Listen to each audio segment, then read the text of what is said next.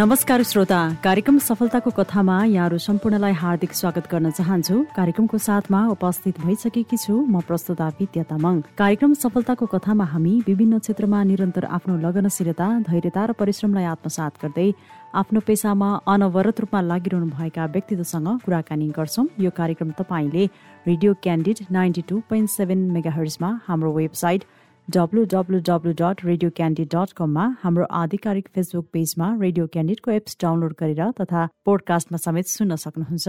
तपाईँले हरेक हप्ता यसै समयमा कार्यक्रम सफलताको कथा सुन्न सक्नुहुन्छ।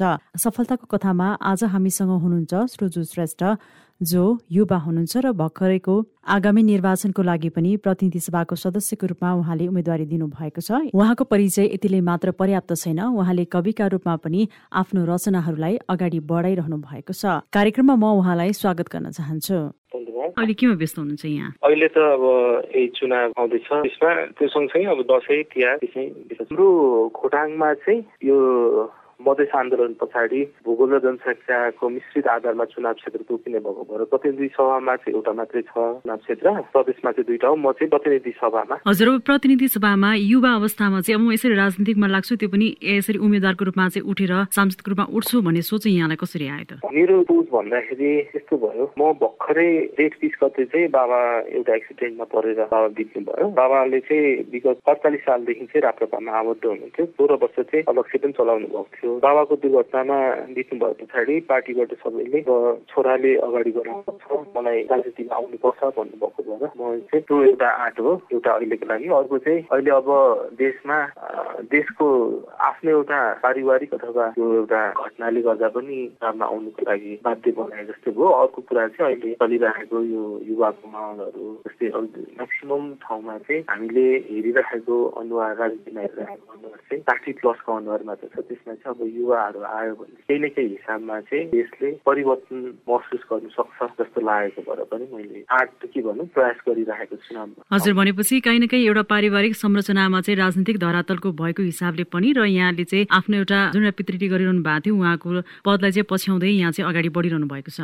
हजुर। अब मैले अलिकति अब राजनीतिक कुरा जोडिरहेको भएर चाहिँ अब यहीँनिर जोड्दाखेरि अब यदि सफल भएको देशमा आर्थिक समृद्धिको लागि चाहिँ यहाँले कस्तो पाटोहरू चाहिँ अप्नाउनुहुन्छ? आर्थिक समृद्धि भन्दाखेरि पनि अब हाम्रो जिल्लाको पुरै वस्तुस्थिति हेर्ने हो भनेदेखि हामी अहिले धेरै विकटमा छौँ। खोटाङ जिल्लाको कतिपय भेगमा अहिले पनि मान्छेहरूले त्यो पेप्सीको बोतलमा पानी बोक्नुपर्ने अवस्था छ। अब त्यहाँनिर मान्छे पानीको पोजबाट टाढा छ। बिजुली क्रिएट थिएन अब यसपालिकै एसएलसीको रिजल्टमा पनि लगभग लगभग सी पर्सेन्ट जस्तो विद्यार्थीहरूले म्याथ र इङ्ग्लिसमा फेल छ होइन? अब मैले सबै कुरालाई हेर्दाखेरि मैले चाहिँ खोटाङ जिल्लाको प्रत्येक जिल्लावासीहरूको मुहारमा चाहिँ एउटा आनन्दको मुस्कान हेर्न चाहन्छु। एजेन्डा चाहिँ लगभग लगभग त्यही नै हो। त्यसले आर्थिक रूपमा चाहिँ देशलाई आर्थिक रूपमा टेवा पुर्याउने भन्दाखेरि पनि त्यहाँ भएको खोटाङ्गेलाई चाहिँ अहिले छवटा आधारभूत आवश्यकता तिनवटा आधारभूत आवश्यकतापछि थपेको अरू छवटा आधारभूत आवश्यकताको दायरामै लिएर आउनुपर्ने छ खोटाङलाई। त्यो आर्थिक बाटो चाहिँ देशलाई दिने आर्थिक टेवा चाहिँ त्यो चाहिँ अब खोटाङ जिल्लाको लेन्सबाट हेर्नु भनेदेखि त्यो चाहिँ सेकेन्ड मुद्दा हुने भयो हजुर भनेपछि खोटाङवासीको जीवनस्तर उकास्नका लागि चाहिँ यहाँले आफ्नो तर्फबाट भनौँ उम्मेदवारी दिनुभयो। हजुर। अब यो कुरालाई मैले अलिकति अहिले यहीँ विश्राम दिएँ। अब अलिकति म यहाँको बाल्यकालपट्टि जान चाहेँ। होइन यहाँको पढाइ चाहिँ खोटाङमा जन्मिनु भयो पढाइ चाहिँ यहाँले काठमाडौँबाट गर्नुभयो कि खोटाङबाटै गर्नुभयो? मैले एसएलसीसम्मको पढाइ चाहिँ खोटाङबाटै गरेँ। एसएलसी पछाडि म जस्तै अब मैले एसएलसी दिँदाखेरि खोटाङमा साइन्स पढ्नुको लागि कुनै पनि कलेज खोलिएको थिएन। कलेज त थियो तर त्यसमा चाहिँ आर्ट र एजुकेसन मात्र पढाइ। म साइन्स पढ्नुको लागि काठमाडौँ आएँ। काठमाडौँ आएर मैले कोलम्बसबाट यहाँ बानेश्वर कोलम्बस साइन्समा फिजिक्स लिएर पढेँ त्यस पछाडि म व्हाइट हाउस सिभिल पढ्नु व्हाइट हाउसमा अब सिभिल इन्जिनियरिङ चाहिँ आफ्नो पढाइ चाहिँ पुरा गर्नुभयो। हजुर अहिले चाहिँ पेसामा लागिरहनु भएको छ कि के छ यहाँको? मैले अहिले चाहिँ तत्काल भन्दाखेरि एउटा हलवेल कम्पनी भनेर दर्ता गरेको छु त्यसबाट हामी वरिपरिको नक्साहरूको काम। पछाडि अलिअलि बाहिर काठमाडौँ भ्याली बाहिरभन्दा पार्कहरूको डिजाइनको कामहरू गरिरहेको हजुर अब यहाँ पेसाले भनौँ अथवा भर्खरै अध्यापन सिद्ध्याएर बसिरहनु भएको अवस्थामा एउटा इन्जिनियरिङ पनि हुनुहुन्छ र अर्कोतिर यहाँको झुकाव चाहिँ यता कवितातिर भएको भएर होइन एउटा आफ्नो सोखले अथवा आफ्नो एउटा रहरले कविताहरू पनि रचना गर्नुहुन्छ होइन? को क्लासमा पहिलोचोटि कविता बाल दिवसमा भाग लिएको थिएँ कविता प्रतियोगितामा त्यतिखेर चाहिँ अब कविता लेखेपछि कस्तो भयो भनेदेखि त्यो कविता सुनाउने उमेर समूहमा चाहिँ म सबैभन्दा कान्छो थिएँ। मलाई त्यतिखेर सान्त्वना पुरस्कार दियो। अनि कविता सुनाएपछि उपहार पाइने रहेछ भन्ने हिसाबले मैले त्यतिखेर प्रत्येक बाल दिवसहरू अब त्यतिखेर हामी बच्चातिर हुँदाखेरि प्रजातन्त्र दिवसहरू बाल दिवसहरू मनाइन्थ्यो। त्यसमा चाहिँ कविता लेखेर सहभागी हुन्थे।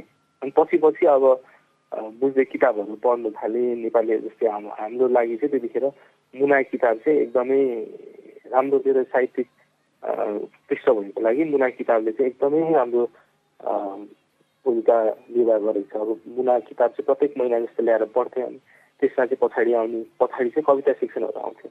हाम्रै उमेर समूहकोहरूले लेखेको कविता। त्यो त्यो पढ्दा पढ्दै अनि कवितामा रस बस्यो। कवितामा रस मैले धेरै अगाडिदेखि त नभनौँ तर जस एसएलसी पछाडिदेखि काठमाडौँ आइसके पछाडि चाहिँ अलिक धेरै लेख्न थाल्यो कविताहरू। त्यतिखेरको के स्मरण छ यहाँलाई? कविता यहाँले रचना गर्नुभएको कविताको? त्यो कविताको त स्मरण छैन तर मलाई याद भएसम्म मेरो मेरो विद्यालय भन्ने शीर्षकमा कविता लेखेको थिएँ जस्तो लाग्छ मलाई। जब त्यतिखेर चाहिँ अब एउटा कक्षा कोठामा चाहिँ अब एउटा गुरुद्वारा र सम्पूर्ण आफ्नो साथीभाइद्वारा चाहिँ यहाँले प्रशंसा पाउँदाखेरि चाहिँ ओहो यसरी कविता लेख्दाखेरि चाहिँ केही पुरस्कार पाइने रहेछ भन्ने कुराले चाहिँ यहाँलाई प्रेरणा दियो थप। सुरुको बाल्यकाल अवस्थामा चाहिँ त्यो थियो तर कस्तो भयो भनेदेखि खोटाङमा म एउटा एउटा त्यो जीवनशैलीमा बाँचिरहेको राखेको थियो र एसएलसी दिएर काठमाडौँ आइसके पछाडि चाहिँ यहाँ चाहिँ नितान्त फरक जीवनशैली थियो त्यो ठ्याक्कै भन्दाखेरि चाहिँ म काठमाडौँ आउँदाखेरि खोटाङमा छपन्न अन्ठाउन्न रुपियाँ केजी किनि पाइन्थ्यो होइन चिज चाहिँ काठमाडौँ आउँदाखेरि अठाइस तिस रुपियाँ थियो कि भन्नु मतलब त्यतिखेर हाम्रोमा गाडी त परेको चिज हो मान्छेले बोकेर नुन चामलहरू लिएर जान्थ्यो कि अनि हामी यो बाहिरको समाजसँग बाहिरको यो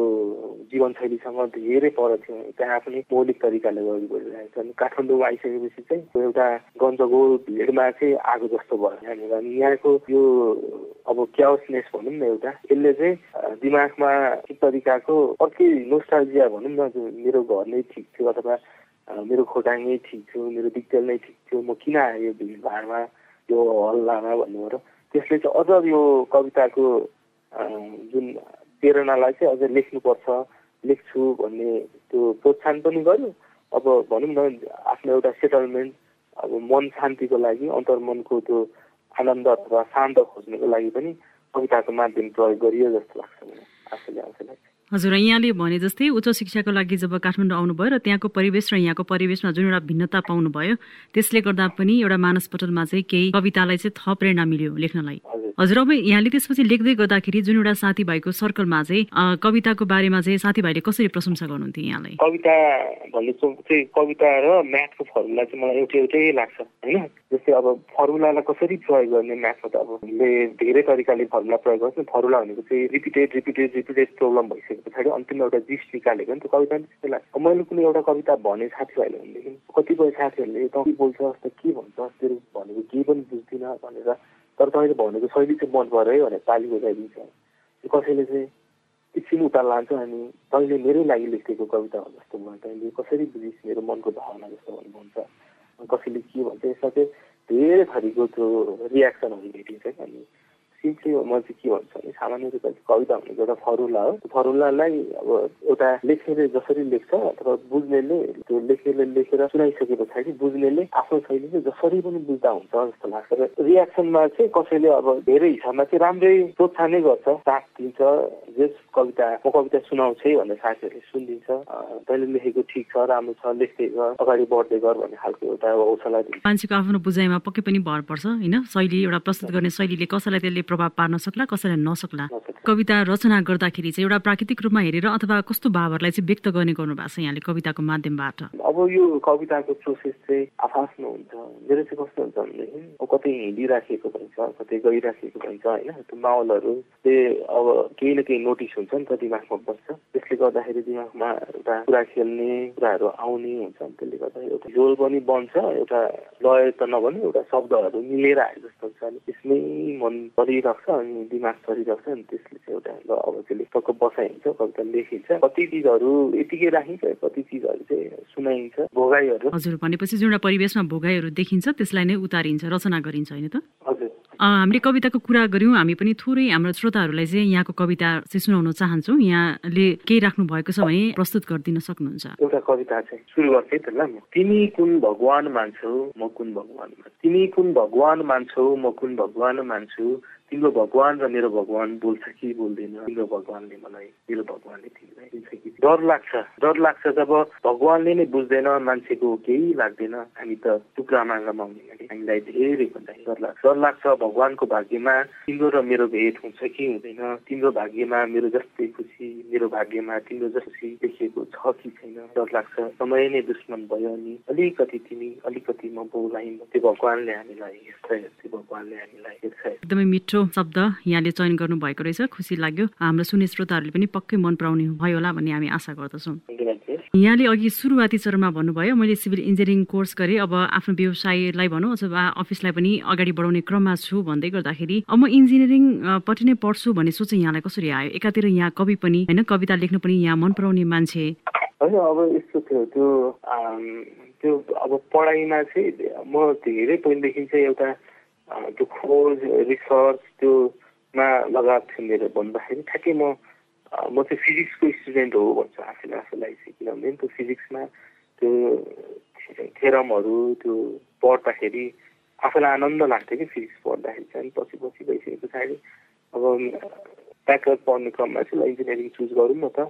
पछि गइसके पछाडि यो क्रिएटिभ काम पनि हुन्छ। अनि त्यस पछाडि फिजिक्स पढिसकेपछि इन्जिनियरिङ अल्टिमेट मेथड फिजिक्सतिर अब खास आफूलाई आत्मनिर्भर गराउने त्यसमा चाहिँ अलिक जोड छ टिचिङ गर्ने त्यसमा धेरै कम्पिटिसन छ। सबै टिचर हुन सकिँदैन तर इन्जिनियरिङ गऱ्यो भने केही न केही रूपमा आर्थिक रूपमा आफूलाई चाहिँ इन्डिपेन्डेन्ट गराउन सकिन्छ अथवा परिवारलाई केही साथ सहयोग गर्न सकिन्छ भन्ने हिसाबले इन्जिनियरिङ जोइन गरियो। तर पछिल्लो चरणमा इन्जिनियरिङ जोइन गरेर काम गर्दै जाँदाखेरि चाहिँ त्यो एक तरिकाको आत्मसन्तुष्टि मतलब जुन तरिकाले जुन सप देखेर अब सामान्य तरिकाले एउटा क्रिएटिभ वे हो त्यो भन्ने हिसाबको चाहिँ इन्जिनियरिङ अलिक होइन रहेछ। अरू साथीहरू हुन्छ जो चाहिँ अब इन्जिनियरिङ गरेर सन्तुष्ट हुन्छ जस उहाँहरू काम गर्नुहुन्छ नक्साको कामहरू डिजाइनिङको कामहरू गर्नुहुन्छ अब कस्तो कामहरू गर्नुहुन्छ उहाँ त्यसमा सेटिस्फाई हुनुहुन्छ। अब म चाहिँ अलिकति त्यसमा आफैलाई आत्मसन्तुष्टि दिलाउन सकिनँ भन्नु त मेरो त्यो ठाउँ होइन कि जस्तो लाग्छ कि अहिले काम गर्दाखेरि कतिको। जस्तै इक्जाम्पलको लागि उदाहरणको लागि लिँदाखेरि चाहिँ अब एउटा घर निर्माण गर्नु पर्यो त्यसमा के अरे घर बनाउने मान्छे गर्दनहरू आउनुहुन्छ भने यो डिमान्ड मलाई चाहियो भनेर भन्नुले अब आफ्नो क्षमताले भ्याइसके भ्याएसम्म चाहिँ चिजहरू राख्ने त्यसलाई प्लानिङ गर्नेसम्म गएको तर पछि गइसके पछाडि त्यो आफ्नो केही दिनै सकिँदैन दिनै पाइँदैन अन्तिममा गइसकेपछि सबै त्यो चाहिँ हुन्छ नि। यहाँ इन्जिनियरको महत्त्व अहिले समय आइसकेको छैन कि अथवा आफ्नो क्षमता पुगेको छैन कि त्यसमा चाहिँ धेरै चिजहरू चाहिँ आत्मसन्तुष्ट तरिकाले कसैलाई डेलिभर गराउनु पनि सकिँदैन रचनात्मक वेले त्यसलाई पूर्ति गर्नु पनि सकिँदैन घरहरूको त्यो बनावट पनि मिलेको छैन बाटोको विथ मिलेको छैन होइन कतिपय ठाउँमा मान्छेलाई भन्दा भन्दा पनि थाकिन्छ कि यस्तो गर्नु हुँदैन हुँदैन हुँदैन हुँदैन भन्ने जस्तै नेपाल त अहिले भनौँ न हिजोको हिसाबले त एकदम यो त सेन्सिटिभ एरिया हो नि त भन्नु पुरानो डाटा अनुसार चाहिँ प्रत्येक पैँसठी वर्षमा चाहिँ एउटा ठुलो भुइँचालो जान्छ होइन अहिले त त्यसको विषयमा त भुइँचालो गएको ल आठ आठ आठ वर्ष भइसक्यो। अहिले अब भुइँचालोको विषयमा मान्छेले बिर्सिसक्यो तयारी हुनुपर्छ। घर बनाउँदाखेरि आफ्नो हुन्छ नि पूर्ण भुइँचालो प्रतिरोधात्मक बनाउनुपर्छ भन्नेतिरको मान्छेले बिर्सिसक्यो भुइँचालोको अब केही साल छ चाहिँ मान्छेले क्वालिटी चाहिन्छ भन्ने हिसाबमा चाहिँ अहिले मान्छेले बिर्सिसक्यो मान्छे चाहिँ आफ्नो शैलीले अब सिमेन्ट जति मिसाउँदा पनि हुन्छ डन्डी जस्तो गरे पनि हुन्छ। नगरपालिकाले चाहिँ यो रास उठाउनुको लागि मात्र गरेको हो भनेर आँखा थल्ने कामहरू। अब धेरै कुराहरू चाहिँ झन्झटिलो छ कि? यो इन्जिनियरले गरेन भनेर दोष दिन्छ तर अल्टिमेटली कसले गरेको छैन भन्ने कुरा नै त्यो भनेको चाहिँ चेतनाले चाहिँ काम गरेको छैन। अनि त्यस्तो त्यस्तै कुराहरूले गर्दाखेरि चाहिँ डिमोटिभेट गर्दछ क्या कामप्रति। अघि कविताको कुरा गर्दै थियौँ मैले त्यही जोड्न चाहेँ। यहाँले चाहिँ अब भविष्यमा त्यस्तो किताबहरू प्रकाशन गर्ने सोच्नु भएको छ कि के छ? किताबहरू त धेरै अगाडिदेखि छाप्नुपर्छ छाप्नुपर्छ भनेर बसिरहेको हो। अब यो केहीले मिल्दैन। र पहिलो कुरा त आफै कमाएर आफ्नो किताब निकालौँ न भन्ने एउटा मनको लोभ हुँदो रहेछ। पुग्दैन कहिले के पुग्दैन त्यसले गर्दा नै अड्किरहेको किताब चाहिँ एउटा कविता सङ्ग्रह चाहिँ सायद मसँग पाण्डुलिपि जस्तो तयार छ त्यसलाई पब्लिकेसन खोज्ने त्यो काम चाहिँ गरिएको छ। त्यसलाई चाहिँ अलिकति अर्थले पनि छोडेको छ। अहिले अहिले चाहिँ एउटा माहौल चाहिँ के सजिलो भनेदेखि जस्तो पहिले पहिले हाम्रो पुरानो मान्छेहरूले कविता कसैलाई कविता सुनाउँदाखेरि पनि के एउटा कार्यक्रम गर्नु पर्थ्यो। अहिलेको हाम्रो समयले अहिलेको प्रविधिले के चाहिँ फाइदा दिएको छ भनेदेखि पहिले एउटा कोठामा बसेर फेसबुकको थ्रुबाट अथवा अनलाइन मिडियाको थ्रुबाट अथवा युट्युब कविताहरूको थ्रुबाट अथवा टिकटककै थ्रुबाट पनि एउटा लेख्यो भनेदेखि यो एउटा कविता नै एउटा कृति जस्तो भएर आइदिँदो रहेछ कि अहिले चाहिँ। यो माइन्युट लेभलमा गएको छ कि सिङ्गल सिङ्गल चिजमा गएको छ। अब हिजोको दिनमा गायकहरूले एउटा पुरै एल्बम निकाल्छ अहिले एउटा गीत मात्रै चलन छ होइन। त्यो भएको कारणले गर्दाखेरि अहिले चाहिँ फेसबुकको थ्रुबाट अथवा अनलाइन मिडिया थ्रुबाट अथवा युट्युबबाट चाहिँ कविताहरू निकालिराखिएको भन्छ। अब पुरै सङ्ग्रहमा आए पनि एक एउटा कविताहरू चाहिँ बेला मौकामा आइरहेको। हजुर भनेपछि एउटा किताबको रूपमा प्रकाशन नभएको पनि यहाँले जुन एउटा आफ्ना रचना गर्नुभएको कविताहरू चाहिँ प्रकाशन भइरहेको छ अन्य माध्यमबाट। कविता पनि रचना गर्नुहुन्छ। अर्कोतिर आफ्नो अध्यापनलाई पनि सिद्ध्याएर एउटा व्यवसाय भनौँ रूपमा अगाडि बढाउने कोसिस गरिरहनु भएको छ र अब आउने प्रतिनिधि सभामा पनि यहाँले उम्मेदवारी दिनुभएको छ। होइन यी सबै कुराहरूलाई अब व्यवस्थित गर्दै अगाडि बढ्दाखेरि यहाँले अब चुनौती अथवा भनौँ सफलता चाहिँ कस्तो देख्नु भएको छ आफूमा? चुनौती पनि हो हजुरले भन्नुभएको अब त्यसमा चाहिँ अर्को कुरा के छ भनेदेखि अब आफ्नो जिन्दगीलाई चाहिँ कम्प्लिटली सेवामा चाहिँ समर्पण गर्नु पाइयो। भने जन्मको सार्थकता पनि हुन्छ जस्तो लाग्छ मैले अब एउटा ठ्याक्कै तपाईँ एउटा किस्सा जोड्ने चाहेँ त्यो भुइँचालो जाँदाखेरि हामी लगभग सेभेन्थ एट सेमेस्टरतिर थियौँ। अनि त्यतिखेर भुइँचालो गयो अब यतिखेर इन्जिनियरको काम हो भनेर लाग्यो भने त्यस्तै हुँदै गर्दाखेरि अब हामीले फेसबुकको थ्रुबाट एउटा क्यानेडियन डोनर भेटायौँ त्यो एउटा हामीले कार्यमा लगभग एक सय छवटा चाहिँ जुन ठाउँमा घर भकेको ठाउँ भकेको ठाउँमा चाहिँ मान्छेलाई अर्को व्यवस्थित घर बनाउनुभन्दा अगाडि चाहिँ मान्छे कम्तीमा बर्खाबाट बचोस् पानीबाट बचोस् भनेर त्यहाँबाट सेल्टरहरू बनाएको थियो कि सबै क्यानेडियन र डोनरहरूले सहयोग गर्थ्यो र क्यानेडियन भने पन्जाबी क्यानेडियन मूल चाहिँ पन्जाबी तर उनीहरू क्यानेडियन नै रेजिडेन्टहरूले चाहिँ आएर सहयोग गरेको आर्थिक रूपमा अनि हामीले छवटा घर बनाएको त्यसले पनि मलाई इन्जिनियरिङ अलिकति डिमोटिभेट गरेको कि काम गर्नुलाई जस्तो लाग्छ कि त्यहाँ गएर जुन एक सय छवटा घर बनाइयो जुन मान्छेले एउटा त्यो अब त्यतिखेर हामीले अब इन्जिनियरिङ पढेर पैसा कमाउने भन्दाखेरि पनि हामीले कमाउनु त केही पनि कमाएनौँ थियौँ तर आत्मसन्तुष्टि वास्तवको रूपमा भन्दाखेरि आत्मसन्तुष्टि चाहिँ कमाएको थियौँ। त्यहाँको मान्छेहरूले चाहिँ त्यो टाइममा अब हामीलाई सहयोग गरिदिनु भयो धन्यवाद भनेर अब त्यहाँ विदाय कार्यक्रम गरेर त्यहाँ कार्यक्रम राखेर त्यो त्यहाँको त्यो कार्यवासी गाउँको अधिकार भन्ने गाविसमा थियो अधिकारको वासीहरूले जुन एउटा कृतज्ञता हामीलाई धन्यवाद दिनुभयो त्यसले चाहिँ यति त्यो आत्मालाई यति गरुङ्गो बनाइदियो कि सेवा पो हो त असली रूपमा त हामीले जन्मेपछि गर्ने त धर्म गर्नुपर्छ सेवा नै धर्मतिर लाग्नुपर्छ भनेर बनाइदियो। त्यसले गर्दाखेरि अहिले यो इन्जिनियरिङ गरेर पैसा कमाउने भन्दाखेरि पनि समाज सेवामा अथवा सेवा गरियो भनेदेखि चाहिँ आत्मसन्तुष्टि मिल्छ जन्मको सार्थकता मिल्छ भन्नेतिर चाहिँ आफ्नो त्यो विचार मोडियो त्यसले गर्दाखेरि चाहिँ अब यो अहिलेको यो सबै कविता इन्जिनियरिङ त्यस पछाडि चुनाव भनेको चाहिँ अल्टिमेटली समाजलाई आफ्नो तर्फबाट के दिन सकिन्छ भन्ने हिसाबले समाजलाई नै आफ्नो जीवन चाहिँ अर्पण गर्छु भन्ने हिसाबको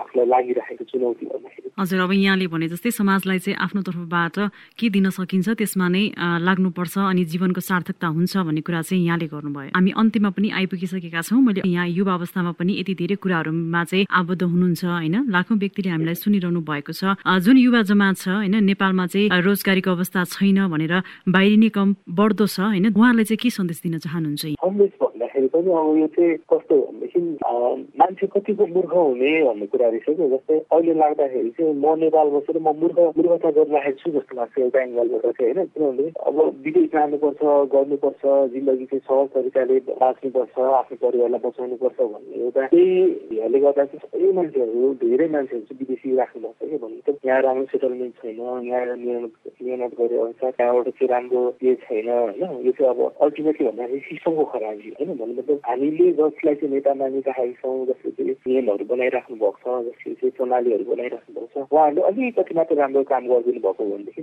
धेरै युवाहरू विदेश जानुको लागि चाहिँ जाँदैन थिए। जस्तै उदाहरणको लागि तपाईँलाई भन्छु। अब अब खोटाङ नै जोड्नु चाहे खोटाङमा धेरै तरिकाले त्यहाँको अहिले पनि मान्छेको आर्थिक स्रोत भनेको कृषिमा निर्भर अब त्यहाँ गोलबेडा उत्पादन हुन्छ त्यहाँ बन्दाकोपी उत्पादन हुन्छ त्यहाँ चामल उत्पादन हुन्छ त्यहाँ इस्कुस उत्पादन हुन्छ तर यसको कुनै बजारीकरण छैन। त्यहाँबाट जुन जनप्रतिनिधि पुरानोहरूले अथवा यो खोटाङको होइन समष्टिको पुरै नेपालभरिको नेताहरूले चाहिँ जनप्रतिनिधिहरूले चाहिँ यदि त्यो त्यहाँको मौलिक उत्पादनहरूलाई बजारीकरण गर्ने जस्तै अहिले त जस्तै अर्को तरिकाले भने कुखुरा पालन खसी पालन बाख्रा पालन यिनीहरूलाई चाहिँ व्यवसायीकरण गरी गरिने खोजिँदैछ तर त्यो जुन जुन रफ्तारले हुनुपर्छ त्यो रफ्तारले भएको छैन अब यहाँनिर गरेर जस्तै अब खोटाङमा भन्दादेखि अब हामीले उत्पादन जुन गर्छौँ त्यो उत्पादनको बजारै छैन त्यहाँनिर दुधको आइटमहरू त्यो बजारीकरण गर्न सकिन्थ्यो त्यो बजारीकरण छैन कृषिको धेरै चिजहरू बजारीकरण छैन। यो त बजारीकरण हुने हो भनेदेखि त कम्तीमा टेन पर्सेन्ट युवाहरू त्यसमा त हुन्थ्यो होला नि त। त्यो त्यो व्यवसाय गरेर बसिरहेको हुन्छ होला आफूलाई किनेर बितिरहेको होला आफ्नो परिवारसँग बस्थ्यो होला।